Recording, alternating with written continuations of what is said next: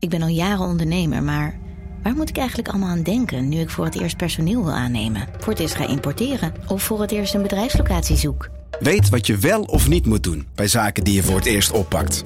Check kvk.nl voor praktische stappenplannen. KVK, hou vast voor ondernemers. Vanaf de redactie van NRC het verhaal van vandaag. Mijn naam is Thomas Ruip.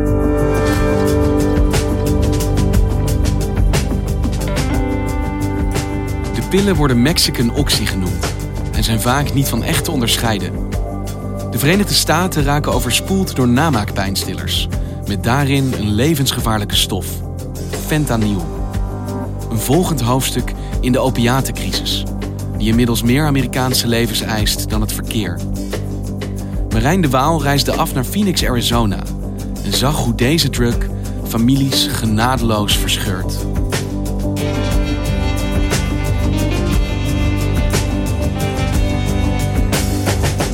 De eerste keer dat Parker McKinsey fentanyl probeerde, brak hij de pil eerst eh, in vieren. Ehm, en vervolgens die kwartpil brak hij nog een keer doormidden. Marijn de Waal is redacteur op de buitenlandredactie en schrijft over Latijns-Amerika en de Verenigde Staten. Die achtste van die pil, die verkruimelde die en die, die snoof hij op.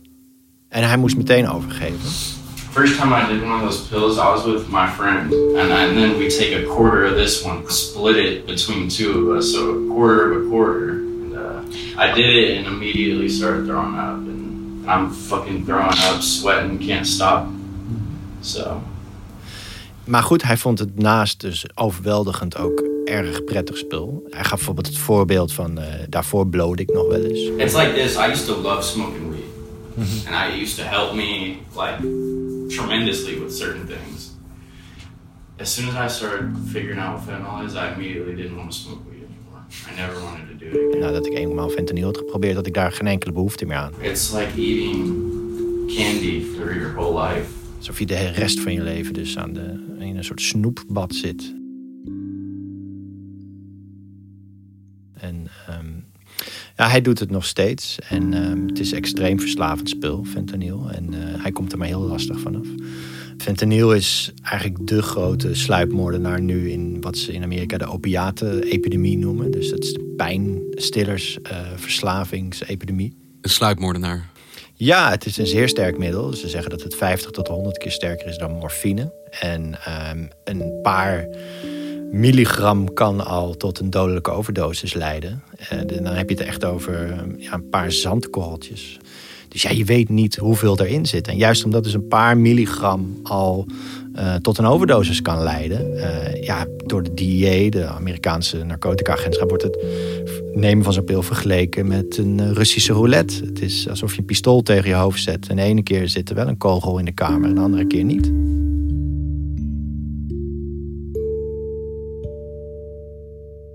En die fentanyl die maakt dus nu zo'n opmars in die opiatenepidemie, zoals je die beschrijft.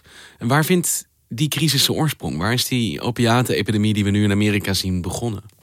Nou, het is begonnen eigenlijk eind jaren 90, begin deze eeuw, toen Amerikaanse artsen op veel grotere schaal uh, pijnstillers op basis van opiaten zijn gaan voorschrijven. We doctors were wrong in thinking that opioids can't be used long term. They can be and they should be. Niet alleen voor zware pijnbestrijding, maar eigenlijk ook voor steeds lichtere kwalen. En uh, dat werd dan gedaan onder het mom van, nou, het verslavend effect valt wel mee. The rate of addiction amongst pain patients who are treated by doctors is much less than 1%. Al die reclames uh, hoorde je op de tv voorbij komen, weet je wel. En dan wordt het heel lovend voorgesteld. En dan wordt nog even in de laatste drie seconden... wordt dan nog even alle bijwerkingen in een sneltreinvaart opgesomd. Maar er zijn gewoon televisiereclames voor opiaten... voor de zwaarste pijnstillers die je maar kan bedenken eigenlijk. Ja, dit werd echt als een soort wondermiddel gezien. Hè? Van, uh, je kan daar op een hele makkelijke manier pijn mee bestrijden. En waarom werden artsen daar makkelijker in om dat voor te schrijven? Nou ja, de farmaceutische industrie heeft daar sterk voor gelobbyd om de regelgeving te versoepelen. Um, uh, artsen zelf werden met, met allerlei prikkels verleid. Snoepreisjes naar mooie plekken waar dan een, een congres was. En op die manier is eigenlijk dat land uh, overspoeld met opiaten. According to the U.S. Drug Enforcement Administration, the DEA, nearly 7 million Americans are abusing prescription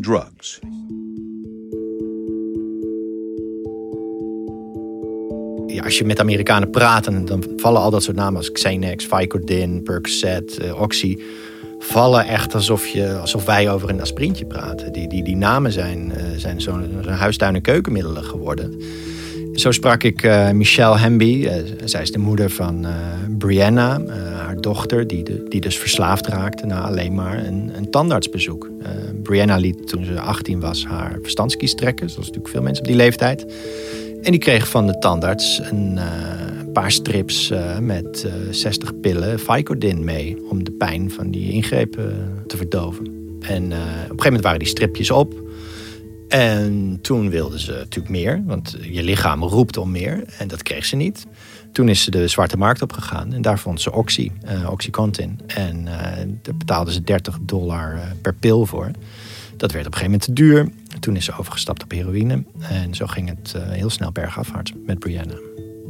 En dit is dus eigenlijk het stappenplan zoals dat dan gaat. Je begint bij de tandarts. En waar wij misschien paracetamol of ibuprofen voorgeschreven krijgen... krijgt zij Vicodin, een enorm sterk opiaat. En als die op zijn, is er geen hulp eigenlijk om daarvan af te komen. Dus beland je eigenlijk vanzelf in een soort drugscircuit. Ja, zeker. Kijk, mensen kunnen ook gaan, dat noemen ze dan shoppen bij verschillende dokters. Dus uh, dan ga je naar de een naar de andere dokter. En dan ga je vragen of die misschien uh, een receptje voor je kan uitschrijven. En als de e-, eerste nee zegt, ga je naar de tweede. En zo, zo shop je door. It's going to be right on here on your left.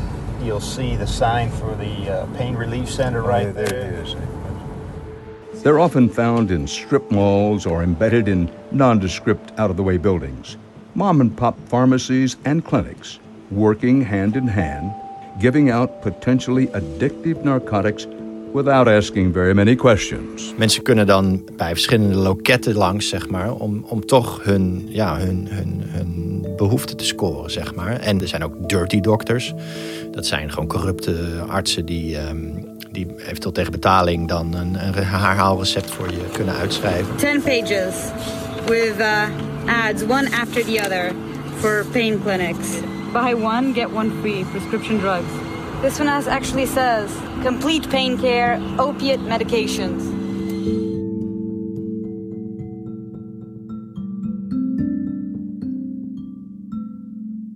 Er zijn voorbeelden van, van die kleine stadjes die dan economisch niet mee kunnen komen, maar waar bijna meer recepten werden uitgeschreven dan dat er mensen wonen, zeg maar. En bijvoorbeeld toen ik in Phoenix was, hoorde ik ook van um, dat er ook straathandel is. Die, concentreerde zich dan rond Sun City. Dat is waar um, vooral heel veel bejaarden wonen. En die bejaarden die, die krijgen dan uh, wel makkelijk pillen. En die verkopen dat via hun kleinkinderen, omdat hun eigen pensioentje niet genoeg is. Verkopen dan de pillen die ze eigenlijk zelf niet nodig hebben op de zwarte markt. Dus omdat zo'n samenleving wemelt het van de pillen, die gaan gewoon circuleren. En, en daar valt dus handel mee te bedrijven. It seems to be that we are self-medicating. Uh, je hebt bijvoorbeeld een van de bekendste tv-doktoren van Amerika, van CNN. Die maakt daar dan ook een reportage over. En die, die vraagt zich ook af van... We are 4.7% of the world's population. We take 80 to 90% of the world's Oxycontin and hydrocodone.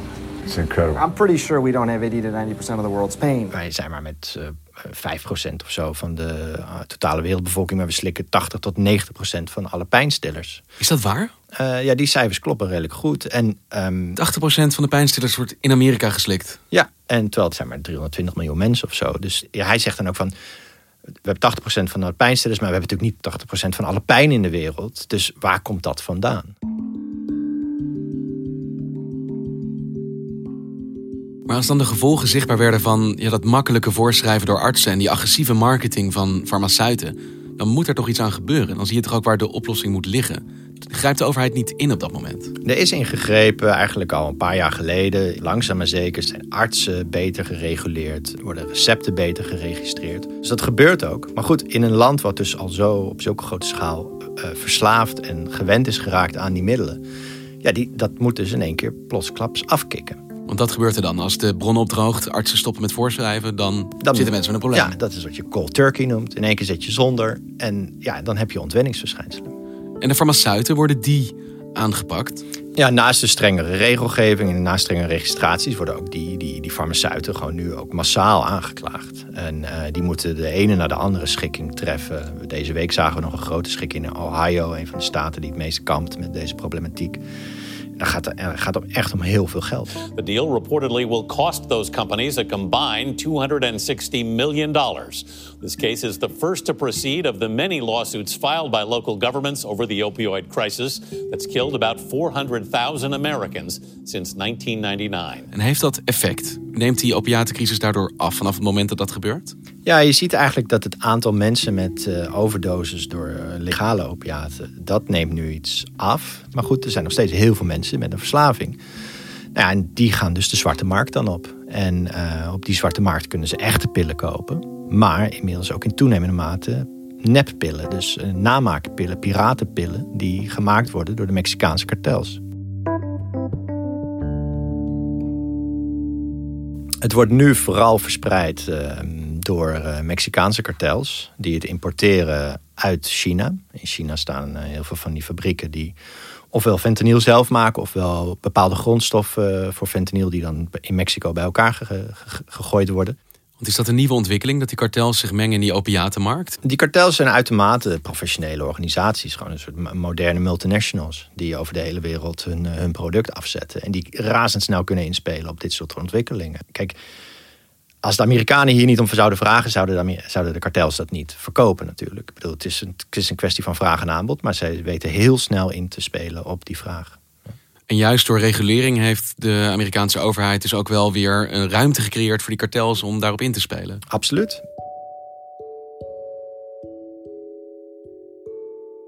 En op welke manier kopen verslaafden deze pillen? Weten ze wat ze in handen hebben op het moment dat ze die fentanyl gebruiken? Niet altijd. Kijk, um, het wordt dus door heroïne versneden, het wordt in pillen gedrukt. Maar bijvoorbeeld ook die pillen worden soms ook via webshops, uh, internetapotheken ver, ver, verscheept. Dus ja, mensen kunnen misschien denken, oh, dat is een, uh, is een goede handel. Uh, ik koop zomaar een stripje Vicodin en dan is het helemaal geen echt. En die kartels doen natuurlijk ook van alles aan om die pillen zo echt mogelijk eruit te laten zien. Ze, ze, geven het dezelfde kleur mee als in de fabriek. ze, ze drukken het logo erin. Dus het, het, is ook voor de leek niet van echt te onderscheiden. Het is wel goedkoper. Kijk, die, die fentanyl variant van zo'n pijnstiller die is 10 of 12 dollar. Terwijl de, de echte variant op de zwarte markt misschien wel 30 doet. Maar goed, mensen zijn er niet altijd bewust van dat dit uh, een, uh, een neppil is. Dus ze repliceren bestaande farmaceutische producten en mensen krijgen dan een pil die mogelijk honderd keer sterker is dan wat ze gewend zijn. Ja, het is piraterij. Net zoals dat er ook handtasjes of, uh, of, of, dvd's worden nagemaakt. Ja. En waarom is het nou juist deze stof fentanyl die zo populair is bij die Mexicaanse kartels? Waarom is het nou juist fentanyl dat zij Amerika inbrengen? Kijk, voor de kartels is dit een droomproduct. Om, juist omdat het zo sterk is, uh, is het enorm compact om te smokkelen. Uh, en de straatwaarde van een kilo ligt bijvoorbeeld boven een miljoen.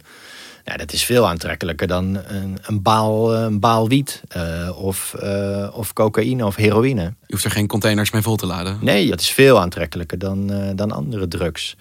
En jij bent voor jouw verhaal naar Phoenix, Arizona afgereisd. Waarom ben je nou precies daar terechtgekomen? Nou, het komt overal voor in gebieden die door de opiatencrisis geteisterd worden. Maar we zagen in Arizona een hele grote stijging uh, recent. En dat ligt dus ook heel dicht bij Mexico. Dus Phoenix is een soort hub, zoals ze dat dan noemen, waar veel gesmokkeld wordt. En je ziet dus ook die pillen daar op relatief grote schaal uh, circuleren. En wie zijn het die die fentanyl gebruiken, die deze pillen slikken? Nou, het, het, komt dus in allerlei lagen van de bevolking voor. Kijk, crack of zo, dat, was, dat werd, sloeg vooral toe in de jaren tachtig onder zwarte Amerikanen in de binnensteden. Cocaïne is natuurlijk een soort elite druk. Uh, crystal meth meer voor de arme onderlaag. Maar dit is dus een druk die overal ingang kan vinden. En um, voor Park, over wie we het eerder hadden, die, die, die kocht het gewoon bij hem op de middelbare school. Zoals pubers hier misschien um, onderling blowen, is het daar gewoon gebruikelijk om uh, te gaan chillen met een paar pillen op. In every It's high school. every high school. I mean, there was a kid at school that had 100 pills on him. Kids had easy easy access to it, and I think that that, you know, kids experiment, they try, you know. Parker heeft op een gegeven moment aan de bel getrokken bij zijn ouders en gezegd: ik heb hulp nodig. Ik, uh, ik zit in de knel, ik gebruik te veel pijnstillers. Ik moet naar, uh, naar een afkeerkliniek. En hij zit in die afkeerkliniek, uh, onder andere omdat zijn broertje, um, Brian, hem waarschuwt van jongen, kijk nou uit, je moet hulp zoeken, het gaat niet goed met je. Want Brian zag zijn oudere broer afglijden, die zag ja, misgaan. die zag zijn broer afglijden, ja. His brother told us he was going to die. My brother Parker is going to die if we don't get help. Dus dit probleem begon eigenlijk via de geïnstitutionaliseerde medische route. Artsen die te veel en te gemakkelijk voorschreven. Daar is uiteindelijk tegen opgetreden. Maar dat heeft een nieuw gat gecreëerd waar de kartels ingesprongen zijn. Is hier dan nu niks aan te doen? Nou, de Amerikaanse war on drugs is natuurlijk... Ja, die is al 50 jaar oud inmiddels. Ehm, maar die is natuurlijk heel lang alleen maar gericht geweest op verbieden. Op uh, zeggen, doe het gewoon niet, just say no. Dat is natuurlijk vereeuwigd door de, de slogan die Nancy Reagan, eh, de First Lady, in, in 86 uh, lanceerde met Just say no. Say yes to your life. And when it comes to drugs and alcohol, just say no. Nee, deze kinderen zeggen geen nee. Is there anyone out there who still isn't clear about what doing drugs does? Okay, last time. En een andere bekende manier om uh, mensen af te schrikken van drugsgebruik is, is, een, een, legendarisch filmpje met This, This is, your, your brain, brain, waarin je dus een, een eitje in de pan ziet gaan. This is drugs. En langzaam aangebakken ziet worden. This is your brain on drugs. Maar goed, dat heeft toch niet gewerkt. Any questions? Mensen laten zich niet afschrikken. Maar de realiteit is intussen wel dat er elke dag mensen doodgaan aan overdoses. Is daar dan niets aan te doen? Ja, er is bijvoorbeeld een middel, uh, Narcan. Um, daarmee kan je eigenlijk mensen die al aan een overdosis uh, ten onder dreigen te gaan terughalen. When someone is dying of an opioid overdose, we know how to save them. There's a medication called Narcan. You give it to someone, it saves their life. Who wouldn't want that? Is een neusspray of, of een injectie. En daarmee kan je de overdosis neutraliseren. En dat middel wordt steeds wijder verspreid. Dat was, uh, tot een paar jaar geleden mochten eigenlijk alleen artsen dat hebben. Terwijl het is veel beter om het aan gebruikers en hun directe omgeving te geven. Want als je eenmaal een overdosis hebt, telt elke seconde. Dus je vermindert het overlijdensrisico, maar je doet uiteindelijk niks aan het probleem dat mensen gebruiken en verslaafd zijn. Ja, het, het, het is, het is een enorm dilemma. Kijk, je zorgt dat mensen in ieder geval niet uh, massaal sterven. Maar goed, je geeft ze ook de kans om het nog een keer te doen. Maar goed, je hoopt dat mensen misschien als ze na zo'n overdosis uh, met Narcan zijn behandeld, ze zo van geschrikken zijn dat ze misschien dit keer wel gaan proberen clean te worden. Dus ja, er wordt nu toch meer gekeken naar niet alleen drugs als veiligheidsprobleem, maar ook echt als een volksgezondheidsprobleem. En dat, dat los je niet op met verbieden en met mensen opsluiten, maar door voorlichting te geven, door te zorgen dat mensen hierover in gesprek gaan met elkaar. You know, gone are the days of just say no, because mm -hmm. they don't just say no. Let's talk about what the effects of it are, because it's devastating. Het enige goede wat je misschien kan ontdekken in deze uh, opiatencrisis is omdat het dus zo breed uh, de samenleving raakt, dat uh, nu wel het inzicht indaalt dat alleen maar repressie niet werkt. En dat is wel een cultuuromslag die langzaam gaat, maar die, die zich gelukkig wel voltrekt. En afkicken, lukt dat van fentanyl? Het is extreem lastig, het kan, um, maar je moet daarvoor echt hulp zoeken. Meestal naar een kliniek, soms ook met metadon. Um, dus het is, het is iets wat je denk ik de rest van je leven met je meedraagt. En zo'n Parker McKinsey bijvoorbeeld, waar jij bij was in Arizona, die hulp vroeg, die tegen zijn ouders zei: Ik red het niet meer. Zijn broertje had al gezien dat het steeds slechter met hem ging. Weet je hoe dat met hem is afgelopen? Is hij bijvoorbeeld van de fentanyl afgekomen? Hij kampte nog steeds mee. En terwijl hij in de afkikkliniek zat, bereikte hem het bericht dat dat broertje wat hem dus waarschuwde, Brian, zelf was overleden aan een, uh, aan een overdosis. Die had dus, hoewel die zijn eigen broer er tegen waarschuwde, het ook uitgeprobeerd. En die, uh, die werd niet meer wakker.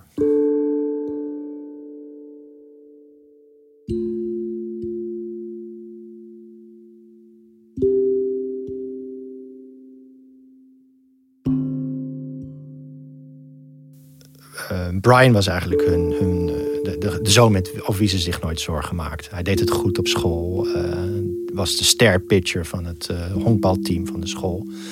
Uh, had een vriendinnetje net. was, was, was zat lekker in zijn vel. Maar ook hij zocht dus blijkbaar een keer die roes op.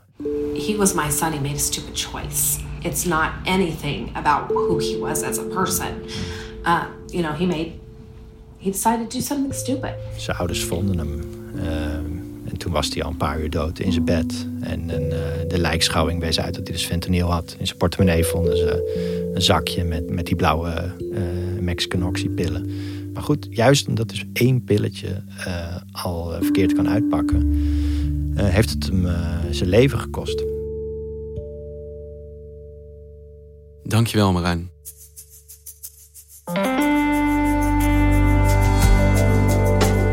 Je luisterde naar vandaag, een podcast van NRC. Eén verhaal, elke dag. Dit was vandaag, maandag weer.